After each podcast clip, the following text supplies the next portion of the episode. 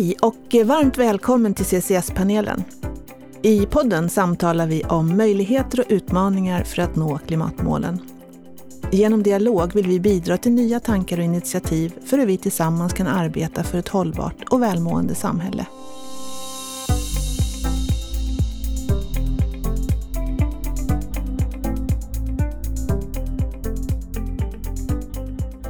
Jag heter Liselott Jernberg Beit och arbetar till vardags som kultur och hållbarhetschef på Granitor. Som programledare för CCS-panelen blandar jag och ger olika infallsvinklar på det vi inom Granitor benämner som ansvarsfulla affärer. Det innebär att jag samtalar med människor som verkar inom olika discipliner och som bidrar med sina perspektiv på den omställning vi står inför för att nå 1,5-gradersmålet. I dagens avsnitt samtalar jag med Andreas Gyllenhammar. Vi kommer beröra det här med timing och vikten av att ligga rätt i tiden när man vill göra positiv skillnad. Andreas, varmt välkommen hit. Tusen tack Liselott, jättekul att vara här. Tycker jag också. Du arbetar som hållbarhetschef på Sweco. Kan inte du berätta lite om dig själv? Ja, det kan jag göra. Jag är eh, jämte, eh, fyllde 50 precis häromdagen faktiskt. Eh, så det är mycket som händer i livet tycker jag nu och jag har också ganska nyligen bytt jobb eh, och blivit hållbarhetschef igen på Sweco. Och det har ju varit min bakgrund också. Jag började på Sweco 2008. Innan dess så jobbade jag på Länsstyrelsen med miljöövervakning och forskningsprojekt. Jag har en bakgrund som miljöforskare från Uppsala universitet och så är jag civilingenjör i miljö och vattenteknik. Så jag har jobbat från alla håll med miljö och klimatfrågor kan man säga, i alla olika typer av aktörer. Men jag trivs nog ändå bäst inom näringslivet där man liksom kan dundra på och man hittar hur man låser upp den här kopplingen mellan affärer och lönsamhet och att skapa hållbar utveckling. Mm. Så det är väl jag. Annars på fritiden gillar jag att gå i naturen och fotografera och eh, kultur och musik. Jag har också en, hade en sidokarriär som musiker ett tag, men nu så är jag inte det längre.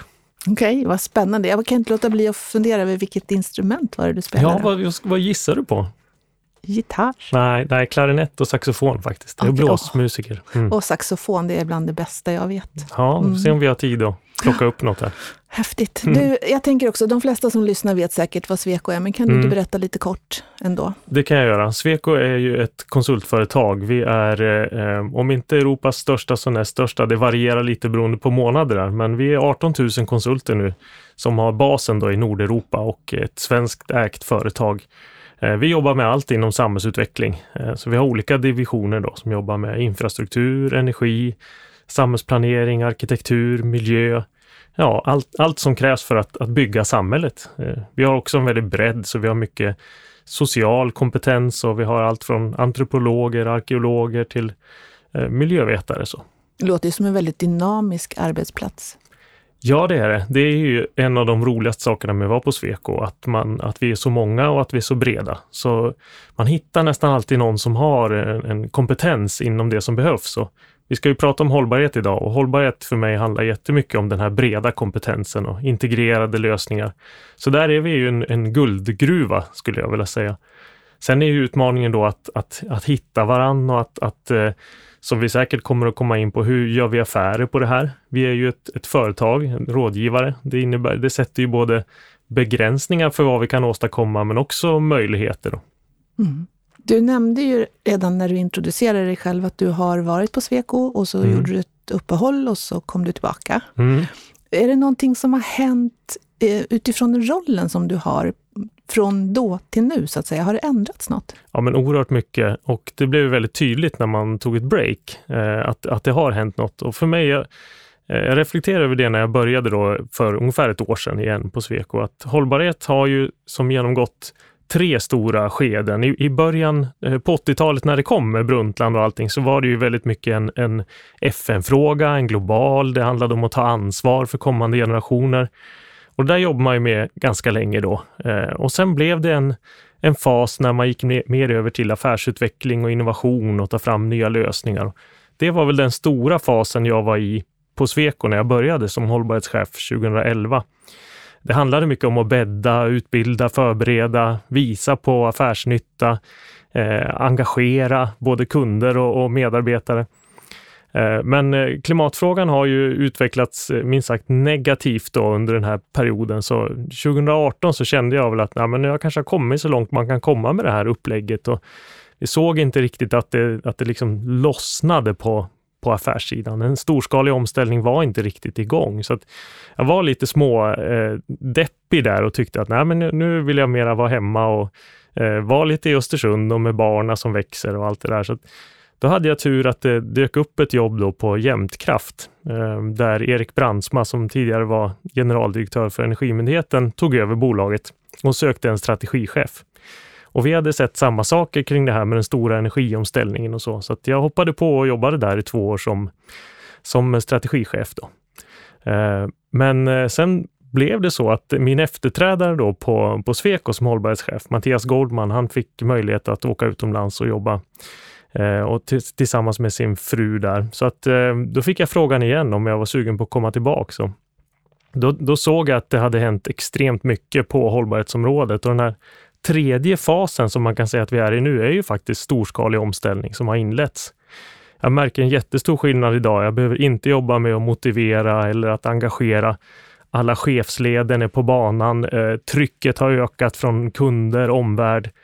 Och framförallt finanssektorn har ju klivit in och, och, och styrt om då pengaströmmarna, kanske den här sista pusselbiten som saknades.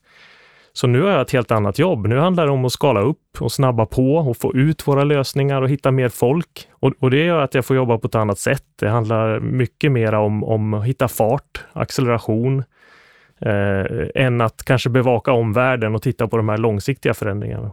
Så hur organiserar ni er då? För inom Granitor så, så tänker vi att varje chef egentligen är hållbarhetschef. Mm. Mm. Hur ser ni på det? Ja, men vi har valt samma väg. Jag tycker man har egentligen bara två vägar att gå när man ska jobba med hållbarhet. Antingen så skapar man en stor hållbarhetsavdelning som får ett ansvar och trycker så, men vi har ju valt den andra vägen också, att, att integrera hållbarhet överallt. Det, det, är ju kanske ibland en, en, långsammare väg för att då måste du förankra och, och, och, jobba ut det. Men när man väl låser upp det, då får man en enorm tryck i organisationen. Då. Så vi jobbar på samma sätt, men, men vi har då ett antal hållbarhetschefer eh, på olika nivåer i, i bolaget. Och det är också en uppskalning då. Förut så var jag själv som, som körde mycket på Sverige. Nu har jag sex stycken hållbarhetschefer, en i varje division.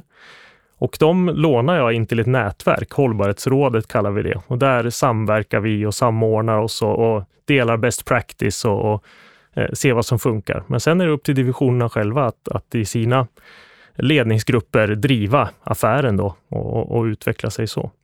Och sen har vi motsvarande på koncernnivå, att alla länder har hållbarhetschefer.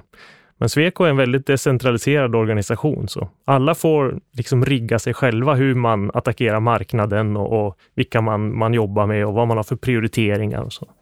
Det låter spännande. Jag tänker också på det här som vi var inne och tassade på, att det är en väldigt eh, vad ska man säga, diversifierad organisation. Vi har väldigt många olika discipliner. Mm. Vi pratar jättemycket om vikten av samarbete och vi tränar i alla våra utbildningsinsatser och sådär på att samarbeta, för det är ju någonstans en konst. Mm, mm. Hur tänker du till att börja med kring det? Så kan vi prata om Sweco i, i, i nästa steg.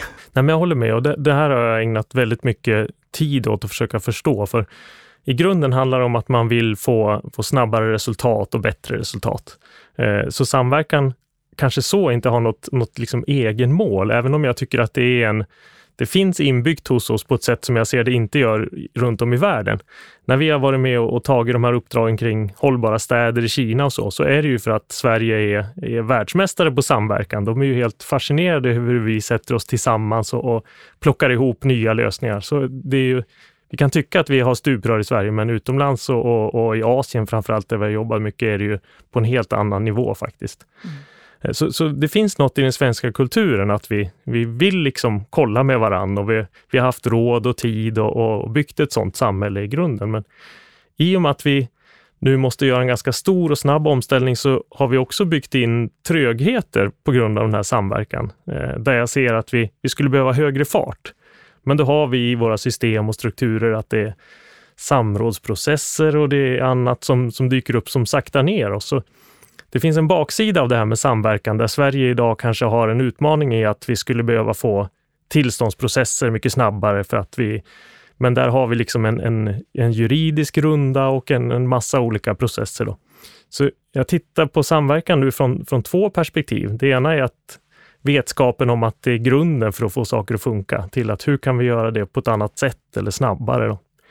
Men jag, jag älskar ju samverkan så. Jag ser att det har, har gett oss mycket bra. Mm. Jobbar ni med det som en medveten strategi också inom Sweco? Ja, det kan man säga. Hållbarhet så har vi då inte den här liksom, eh, linjeorganisationen, utan vi, där har vi byggt upp det som nätverk. Så det är nätverk på olika nivåer, på olika sätt. Eh, och så lånar vi in folk till, till den här samverkan. Då. Så ett av huvudmålen med hållbarhetsarbetet är just att vara en brygga mellan de olika delarna på Sweco. Så, mm. har, vi, så har vi lagt upp strategin. Mm. Alltså, vi har ju vi har också en konsultverksamhet och vi har ju många andra bolag inom vårt konglomerat också. Men mm jag tycker jag hör oftare och oftare att man pratar mer samarbete och någon går till och med så långt som de säger så här, vi har inga konkurrenter längre, utan vi har bara samarbetspartners. Och det där, jag har tittat lite grann, så här, nosat i artiklar efter ska man säga, forna konkurrenter som har hittat varandra därför att de hittar någon nytta. Har du något sådant här coolt exempel på det, antingen inom Sweco eller också något som du mm. har sett, där man känner att just det här sätter man liksom nyttan före mm. egennyttan på något sätt? Just det. Jag tror att hållbarhet och klimat är en sån fråga man lätt samlas kring och samverkar. Så där har det varit kanske lättare för mig att komma in än samverkan på andra sätt, där man har olika mål. Det finns ett tydligt syfte liksom, som ju är grunden för en bra samverkan, att man vill åt samma håll. Eh, men, men vi har nog lite svårt med samverkan med externa partners eh, i den meningen att vi har vår affärsmodell, att vi, vi ska ta betalt för den tid vi, vi lägger någonstans. Och, det, och det, den sätter ju en gräns då för, liksom hur mycket vi jobbar med eh, ja, men offentliga organisationer utan att, så att säga, ta ett uppdrag. Då. Men i branschen tycker jag vi börjar bli bättre på att hitta oss eh, och vi jobbar med olika sådana samverkansplattformar. Innovationsföretagen är en av dem. Där jobbar vi mycket nu med att hitta sätt att mäta en konsults påverkan på, på hållbarhet, som har varit en jättesvår utmaning för oss. Hur kan vi bevisa att det vi designar är, är hållbart? Och just mätbarheten kommer mycket med taxonomin nu från EU, att vi, vi måste liksom visa siffror på det. Så där har vi en samverkan. Och sen samverkar vi globalt med näringslivet i, i World Business Council for Sustainable Development som samlar storföretag globalt. Då. Och där, där är det verkligen inte göra affärer, utan där sitter man och tittar på vad är vår roll och vårt ansvar och hur kan vi eh, bidra till att ställa om och skapa en bättre värld. Mm. Ja, häftigt. Nu nämnde du taxonomin och taxonomin mm. är en sån här sak som jag upplever inom vårt företag att vi ser på på lite olika sätt. Det beror på mm. vad du har för, var du kommer ifrån, så att säga, vilket perspektiv du tar. Men jag såg också på er hemsida att ni har rådgivning i frågor som så att säga, berör taxonomin. Mm. Är det mm. rusning efter de där tjänsterna? Ja, det är det. Det är rusning, men också lite, eh, vad ska man säga, rörigt på, på marknaden. Vi vet inte riktigt. Man frågar runt lite grann. Det, det är något ganska nytt då. Så man undrar, ska vi, ska vi fråga Sweco eller ska vi fråga redovisningsbyråerna eller vilka, vilka kan hjälpa oss med det här? Och vi försöker ju hitta in bra då på att säga att ja, men vi, taxonomin handlar mycket om att, att försöka bedöma eh, prestanda på projekt och uppdrag för att finansindustrin ska kunna eh, se om, om man stoppar pengarna i den gröna fickan så att säga. Och där har ju vi förstått att vi, vi har kunskaper som är, är, är relevanta då. Så det har gett nya kundgrupper för oss. Vi jobbar mot banker med det här och försöker hjälpa dem att skapa modeller för att lysa igenom sina projektportföljer, vad, vad man finansierar. Eh, men, men det är en spännande tid. Jag tror att kanske det är just inom, inom affärssidan på taxonomin som jag är mest engagerad och, och positiv och tycker att det är, är, är, kul. Sen som hållbarhetsexpert kan jag tycka att taxonomin är, är inte den optimala konstruktionen för att bedöma. Eh, det var kanske var det du ser internt och ser också. Eh, jag, tycker att det eh, det är svårt att jobba med hållbar utveckling och säga att det finns gröna och icke-gröna verksamheter och projekt. Så funkar inte hållbar utveckling tycker jag. Någonting som är väldigt hållbart i en holländsk kontext kanske inte alls funkar uppe i Finland om man tittar på bioekonomi eller annat. Och, och när det blir politiskt som det till syvende och sist har blivit nu då, då är man ju väldigt långt från vetenskapen. Ska vi, ska vi rösta om naturgas är hållbart eller inte? Där tror jag att man riskerar att tappa i, i trovärdighet i hela systemet. Mm. Ja, Spännande. Och det är väl också så att taxonomin kommer att fortsätta utvecklas om jag förstår det hela rätt. Det här är liksom ett, ett första ja. utkast. Ja, EU har lagt mycket prestige och utveckling i att det här ska vara ett, ett hjälpmedel, så jag tror att man kommer absolut att, att, att slipa till det eh, och, och, utveckla det och det behövs ju också. Eh, det som är kul med finansbranschen är att de, de var ju lite sena på bollen hållbarhet så, men de lär sig otroligt fort och eh, där, apropå fart, så finns det ju där. Det sitter liksom inte fast i något som vi ser i andra branscher hos oss med infrastruktur och material, och, utan de, de jobbar på fort. Mm. Och det, nu touchar vi på det där med timing. Ja, just det. alltså nu börjar ha... vi komma dit. Mm. Mm.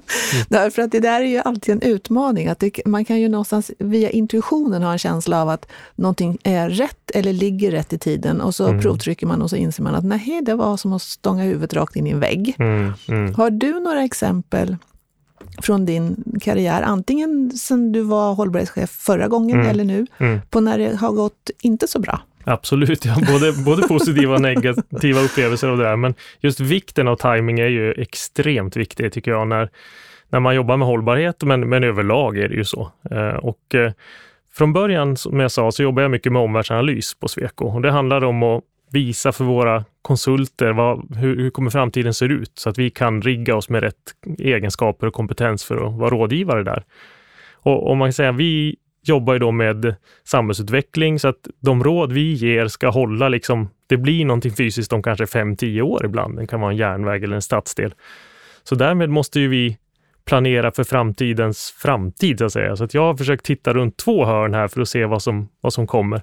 Och det gör ju att det har varit ganska trickigt att se de här stora trenderna.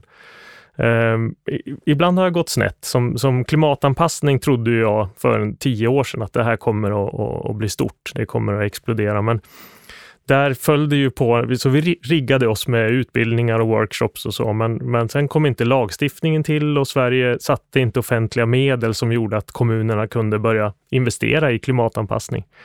Så där förberedde vi oss lite för tidigt. Men om vi tar den andra då, spåret digitalisering, och så gjorde jag ett koncept med organisationen kring smarta städer som landade väldigt fint i tiden. Precis då så började digitaliseringen ta skruv och då var vi liksom förberedda och kunde rådge våra kunder till ja, men vad innebär en uppkopplad stad? Hur, hur lever vi i en, i en smart stad och hur designar man en smart stad? Så ibland blir det rätt och ibland blir det fel, men men just det här, det var ju Victor Hugo som sa det, en, en, en idé vars tid har kommit, finns inget mer kraftfullt än det. Och så är det ju verkligen. Då. Så jag tror att man, eh, man lär sig, det är lite hantverk och fingertoppskänsla att, att känna till. Då. Det mesta går ändå så pass långsamt så att man hinner förbereda sig. Och nu cirkularitet har vi jobbat med ett antal år nu och ser att nu händer ju det på riktigt också. Då. Mm. Vad innebär det då, att det händer på riktigt? Det är väl när vi går från, om man tittar på volymer i, i affärer som ju är en sån eh, benchmark för mig. Att vi har tre, fyra konsulter som, som jobbar med något och, och brinner för det och kanske driver och, och, ibland kanske till och med överdriver vikten av att det här är, är superstort. Men sen så, om vi tar cirkularitet nu då, så har vi ju eh, återbrukskonsulter inom Sweco så hade vi för ett år sedan kanske 18-20 som jobbade aktivt med det och nu är det 150 ja, men då vet man att nu är det uppskalning på gång och nu sticker den. Och då kan vi eh, förhoppningsvis vara lite mer, då har vi förberett och vi har jobbat med utbildningar och satt nätverk och affärsteam och annat så att vi kan vara, skala en, en affär. Mm. Ja, det är jättespännande. Jag har ju pratat med både, i avsnitt 33 pratade jag med Elin Bergman från CradleNet mm. och i avsnitt 36 pratade jag med Josefina Salén ifrån RISE. Så att det här temat är någonting som intresserar mig och jag har till, läst i artiklar till exempel, så att tillverkningen av stål, cement, plast, papper och aluminium, det utgör mer än hälften, 55 procent av världens industriella koldioxidutsläpp. Mm. Och byggsektorn är med undantag för papper den största konsumenten av materialen och uppvisar samtidigt brister i sin avfallshantering. Mm. Det här har jag läst i Aktuell hållbarhet. Den europeiska byggbranschen genererar årligen 400 miljoner ton avfall varav endast 20 till 30 procent återvinns eller återanvänds enligt Ellen MacArthur Foundation.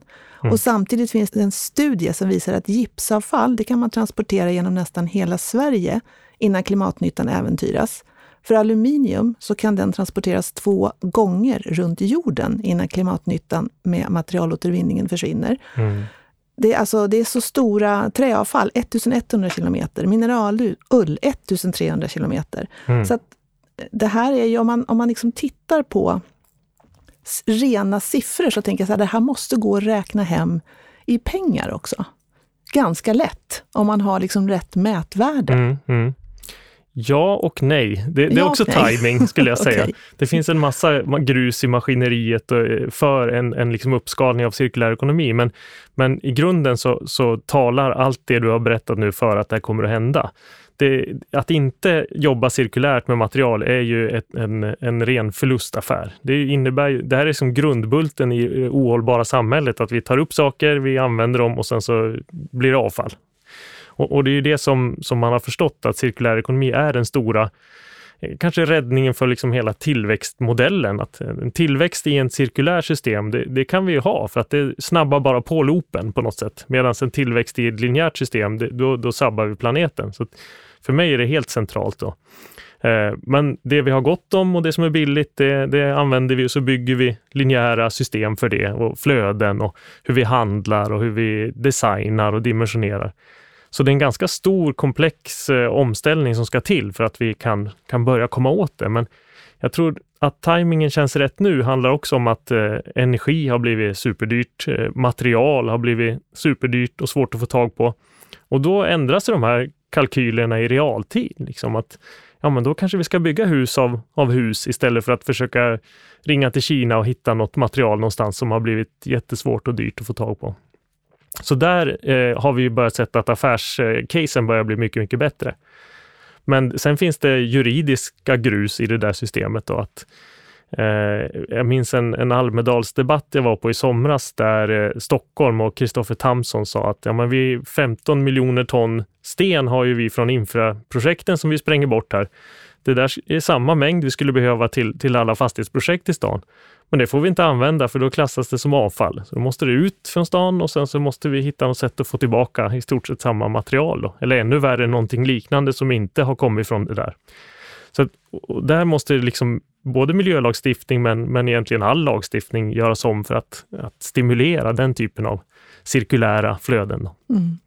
Men du nämner också det här, jag tänker det är ju hur mycket omvärldsbevakning man än håller på med, så just det här Alltså pandemin när den hände och det så hur det störde då mm. eh, transporter och materialflöden. Och sen kriget i Ukraina. Alltså det är mm. saker, det vill till att man ligger långt fram så att det, det, går att ställa om. För det är nästan som att ställa om på en femöring. Ja. Femöring säger jag. Det är jättemånga som lyssnar nu som inte vet vad en femöring är. Ja, jag känner, känner de här eh, kopparfärgade små. Ja, ja. precis. Nej, men det gäller, gäller ju någonstans, för du pratade också om att då hade ni så att säga, utbildat och byggt upp, även om ni har fått skala upp det här mm. med, med människor som då är duktiga på att rådge inom cirkulär ekonomi, mm. så har det ändå funnits en bas. Och det där krävs ju också någon slags mod att göra det där. Mm. Och sen kommer tillfredsställelsen kanske av helt fel orsaker, när saker smäller till i omvärlden som vi inte har kontroll över. Ja, men det beskriver du väldigt bra tycker jag. Det handlar om mod och eh, för organisationen att egentligen ta en investering, mm. som man en, en risk i mm. det. Mm. Det enklaste i en, en, maskin är ju liksom att smörja befintliga hjul och så trimma det så bra det går. Men, men då riskerar vi att bli obsoleta som rådgivare, så därför måste vi känna att nu börjar det närma sig. Nu vi skalar vi lite grann, vi känner oss för, vi provar med några kunder som är längst fram och ser hur, hur det här kan flyga. Och sen eh, utbildningar, eh, kampanjer, olika typer av aktiviteter för att få upp bredden då, rekryteringar, fokus i affärsplaner och annat. Och sen händer det, då står vi förhoppningsvis ganska bra mm. riggade. Då. Det, det är väl du har beskrivit kärnan i mitt jobb ja, där, ska ja. säga. men, ja. men apropå en orolig omvärld så är ju det speciellt nu. Eh, jag satt och, och, läste tidningen med mina barn för ett tag sedan och så, så här var det faktiskt inte för 15 år sedan. Så då, då var det lugnare. Det är ju en enormt tryck på, på alla. Så att det här att kunna se vilka trender som kommer att spela ut om ett halvår eller år, det är egentligen inte görligt idag eh, på samma sätt som det var bara för 5-10 år sedan, där man kunde eh, titta framåt och, och, och, eh, kolla på kurvor och trender. Det går inte riktigt nu skulle jag säga, utan den stora trenden just nu är väl kanske just turbulens som sådan. Att det är det som är det vi måste rigga oss för. Mm. Vi måste både i, näringsliv och i, i samhälle kunna vara lite mer resilienta och tåla lite svängningar och stryk. Alltså rigga oss för den här stormen. Då. Och då handlar det inte om att se exakt vad som kommer hända, utan vilka egenskaper ska du skaffa dig för att kunna reda ut saker när de väl kommer? Och då, då rådger vi våra kunder kring det. Alltså corporate resilience brukar jag prata om. Att, eh, vad har ni för, för produktportfölj? Kan den vara mer flexibel? Kan, den, kan ni handla i ett ekosystem istället för av en linjär? Kan ni tänka just in case istället för just in time i alla leveranskedjorna här? Det finns många sådana ingångspunkter som följer av att insikten om att turbulens är det nya normala på något sätt. Mm. Just in case, det tycker jag det blir sådana bra eh, begrepp att ta med sig. Och den där snodde jag från innovationsföretagen. Ja. Vi kom fram till den när vi sa det. Ja, men det är ju det, är ju det, det handlar om. Mm. precis. Ja, vi brukar prata om share with pride inom Granitor. Mm. Mm. När man har någonting bra så delar man med sig till alla som tycker att det också är en bra grej. Just. Mm. mm.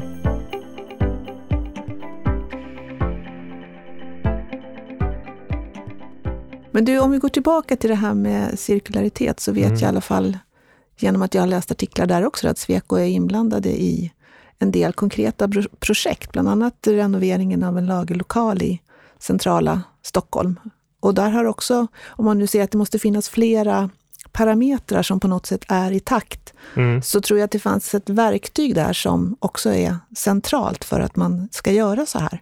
Just det. Eh, verktyg, eh, för det första, jag tror du pratar om Blickhotell, va? det är det eh, eh, exemplet som vi, yes. som vi gärna visar upp. Därför där var det ju en sån när allt gick bra i, i att vi skapade en, en väldigt eh, ekonomiskt smart lösning för, för fastighetsägaren i det här fallet och höjde värdet på fastigheten och eh, sparade enormt mycket koldioxid i den här lösningen och, genom att återanvända så mycket element det bara gick i, i den.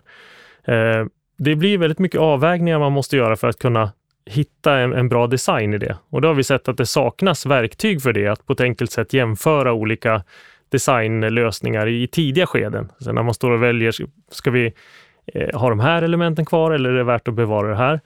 Så då uppfann vi ett eget verktyg där som, som vi kallar för Carbon Cost Compass, eh, där vi bygger på befintliga eh, eh programvaror för arkitekter. Då. Men sen lägger vi, på, lägger vi in koldioxid som en valuta i det, som gör att vi kan liksom som en kokbok med ett recept kan man säga, bygga olika varianter av den här fastigheten. Då. Och då ser vi att ja, men här, så man kopplar egentligen kostnad med koldioxidutsläpp på ett sätt som inte var möjligt när vi började med det här. Och den där är jättebra för att ta en tidig dialog då, kring det, speciellt nu när, när koldioxid också har blivit en valuta kan man säga. Mm. Jag råkar ju då ha de här siffrorna eh, kring just eh, kostnader och eh, ton koldioxid och man mm. sparade 125 miljoner kronor och undvek utsläpp motsvarande 3,6 ton 3600 ton förlåt, mm. koldioxid. Mm. Och det är ju alltså, det är fantastiskt på ett projekt, men då kan man också tänka så här, om man nu kunde skala upp det här, hur otroligt mycket pengar man inte behöver lägga ut och hur otroligt mycket koldioxid man inte heller släpper ut. Ja, precis. Och, och det där kanske är det som ger hopp nu då i, i liksom tider av att det, det, går åt fel håll på många områden. Så, så kan vi hitta otroligt mycket eh, klimatnytta som går att koppla till ekonomisk nytta. Eh, lika på infrastruktursidan så ser vi det också. Att det, att det går att hitta en optimal design på ett annat sätt. Om vi börjar tänka klimat tidigt i uppdragen då, Eh, och det, designfasen är ju viktig, för sen när man väl har börjat jobba, ja men då kanske du kan fila på marginalen eller du kan i projekt eh, byta ut arbetsfordon eller sådär. Men designen sätter väldigt mycket av de, de stora miljökostnaderna och eh, projektkostnaderna också. Mm. Vi var ju också in på det här, alltså det är ju så eh, att vi pratar ju inom Granito om att ansvarsfulla affärer innehåller egentligen alla de här tre. Alltså det är det ekologiska avtrycket, det är mm. det ekonomiska och det är det sociala. Mm.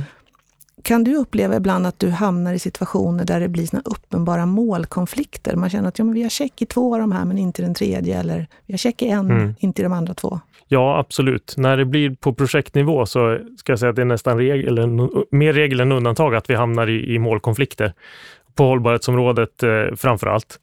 Eh, vad ska vi ta för exempel? Ja, men eh, hela grön industrialisering i Norrland nu är ett sånt där man eh, fort behöver få upp de här batterifabrikerna för att vi ska kunna ställa om transportflottan. Eh, men vi har ju varje enskild plats så kan vi ha eh, eh, utmaningar med närmiljö, biologisk mångfald, rennäring, samefrågor. Det finns enormt mycket som då på platsen så att säga måste till för att, att få det att funka. Men jag tror, och det här är någonting som jag delar med andra hållbarhetschefer, vi ser samma sak, att eh, eh, det är inte en, en, modern lagstiftning på det sättet idag, för klimatfrågan var inte så himla stor när man gjorde miljöbalken och så. Då. Så där vinner så att säga den, den lilla mätarlarven över klimatomställningen. För så, så tänkte vi då och det, det, det går däremot såklart att hitta avvägningar och lösa det på plats. Och jag tycker det viktigaste att ta med sig att på, på systemnivå stort så finns inte den, då är det mer synergier tycker jag mellan dimensionerna och, och de 17 globala målen än vad det är motsättningar. Och det ser man också när man tittar på det att Alltså skulle vi inte fixa klimatfrågan slår vi bort 40 procent av biologisk mångfald liksom systemnivå globalt. Och det, det, är det värsta som finns för biologisk mångfald. Men när du väl kommer ner i varje enskilt projekt, ja men då står man där och ska väga. Och, så den är, det är en utmaning då. Och jag tänker det är en, en kulturfråga hos oss som, som konsulter och även hos beställare och myndigheter att, att jobba mer aktivt och försöka hitta moderna lösningar på hur vi gör de här avvägningarna. Eh, och vara tidigt med att utreda förutsättningarna så det inte kommer som en överraskning. Mm. Jag tycker själv att det där är en av de kluriga frågorna. Eh, dels, eh, eller egentligen sammantaget det vi har pratat om, tajmingen, därför mm. att du kan ha en känsla av att någonting är på väg att komma. Då behöver du ha mod och investeringsvilja för att testa det. Mm. Men sen behöver du också få check i alla de här tre boxarna för att det ska vara mm. försvarbart egentligen, mm. utifrån ett um, företagsperspektiv. Jag kan ha ett, ett bra exempel på, eh, det finns ju verktyg för att jobba med det här också idag och vi har ett som vi har använt mycket på Sweco som heter Designdialogen, som handlar om just samverkan och samskapande för att, att eh, få bra hållbara lösningar. Och det här var ett, ett uppdrag, var länge sedan nu jag var inblandad i att ta fram en ny design för en, en fjällstation med Sylarna. Åt STF var kunden där. Jag tror jag kan prata om det här, för det, sen, sen blev det inget av ekonomiska skäl, just den här lösningen. Då. Men där gjorde vi just samskapandet för att kunna få med allas kunskap och kompetens på bordet. Då. Så vi bjöd in länsstyrelse, rennäring, eh, samebyarna, eh, naturvård och andra att titta på om vi nu ska skapa en ny fjällstation här uppe. Hur gör vi den tillsammans så att de får de, de liksom styrkor och kvaliteter som området har? Och då var ju det första gången som i det här fallet samebyn kände att, att de fick vara med och, och tycka till och utforma någonting och inte bara ställas inför ett färdigt förslag som de sen skulle säga nej till. Och det här skapar ju då en, en, en mycket snabbare förankring, för sen när det ska igenom alla kvarnar så, så går det fort. Eh, och det fanns en, en, eh, det blev mycket bättre också ska jag säga, för man fick ju med platsens kultur i det här och man kunde lägga lederna så att det passade alla. Då. Och det här är ju någonting vi försöker jobba med när vi jobbar med stadsutvecklingsprojekt, att samla alla Eh, för att få till det. det metoden utvecklades i, i vårdlokaler i början, när man såg att eh, vårdlokalerna blev suboptimerade för att Eh, av, av eh, rent eh, psykologiska skäl, när vi sätter oss och har de här mötena med kunden och beställaren, så är det bara läkare som, som törs prata och så är sjuksköterskorna tysta och undersköterskorna. Så då gjorde man den här modellen då, där alla kunde vara med, även patienter och anhöriga, och översätter så att säga det här designspråket till former, figurer, färger. Så får man fram en design som är mycket bättre optimerad och förankrad i själva processen. Och, och det ändrar ju vår roll som designer har vi märkt, att vi blir mer processledare än, än den som visar så här är det bästa man, man kan göra här. Mm. Hur blir man en bra processledare då? Man måste nog vara lyhörd, tror jag, och, och, och lyssna mycket. Man måste kanske ibland våga släppa sitt ego som expert och säga att jag, jag, tror jag vet hur jag vill göra det här, men sen tänker man, nej men det är ju det är alla som, som ska göra det. Så det är en, en, eh, en mental inställning att, att kunna få det. Och det, jag skulle säga att vi har haft väldigt bra hjälp på Sweco av våra arkitekter och samhällsplanerare som har det liksom i sig. och har lärt eh, de övriga, kanske mera eh, eh, civilingenjörskulturen, hur man, hur man gör det här på ett bra sätt. Mm. Det, det tangerar ju, jag har fått äran att jobba med eh, säger, som samverkansledare i några projekt eh, utifrån att jag har ledarskapsutbildningar och så som bas. Mm. Och Eh, det, där, det är fascinerande när man, när man ska bygga någonting, när man kan på något sätt rita upp bilden eller måla tavlan kring vad det är man tillsammans ska skapa. Och när man lyckas skaka av sig sin företagstillhörighet och mer tänka projektet AB. Mm, mm. Hur fantastiskt bra ett samarbete kan bli och hur, hur lönsamt det kan bli. Mm när man faktiskt precis har den här modellen där alla får komma till tals och alla får bli delaktiga i hur saker och ting ska utformas. Mm. Jag håller med. Det, ja, det är svårslaget, men det kräver också mod och det kräver tilltro någonstans till att mm. det blir bra, även om processen blir lite längre så där i början. Precis så. Och, och sen tror jag det är viktigt att, eh, att man har en kund och att man sätter upp ramarna för vad är det som ska samskapas. Och eh, att inte man kommer in med en tro om att vi får göra exakt hur vi vill i det här området, utan det finns ju oftast en, en ja men här ska det vara 3000 nya eh, lägenheter eller här ska vi, den här gatan ska höjas på det här sättet. Och sen är det huret man samskapar, inte omet eller, eller liksom storleken så, för då, då kan man dra på sig besvikelser och konflikter i själva samskapandet. Då. Men att sätta tydliga ramar och sen släppa loss och våga också låta då den här designen få bli den rådande, så att säga, så man inte går in och överstyr på den sen. Mm. Ja, det är jättespännande. Jag tänkte, när vi förberedde det här programmet så nämnde du någonting som hette Green Leadership Program. Mm. Visst var det så? Just det. Kan du berätta lite? Ja, det är apropå det här att vi, vi har en decentraliserad eh, modell på Sweco och även hållbarhet följer ju med den. så att säga. Vi lägger hållbarhetscheferna kloss på sina respektive divisioner där. Och för arkitekterna hos oss så har de paketerat just den här utbildningsdelen då inom, inom något som de kallar för Green Leadership. Och det är ganska korta, snabbt uppdaterade utbildningar för arkitekter, specialister, uppdragsledare eh, på den här typen av ny kunskap som man ser att, att vi kommer att behöva för att vara relevanta. Då.